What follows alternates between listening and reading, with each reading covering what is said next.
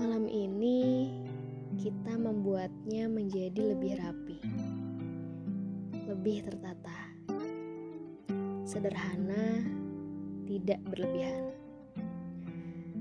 Bersedia ikhlas sejak awal, tidak memaksa. Jadi, ini yang dinamakan pasrah terhadap semua ketetapannya.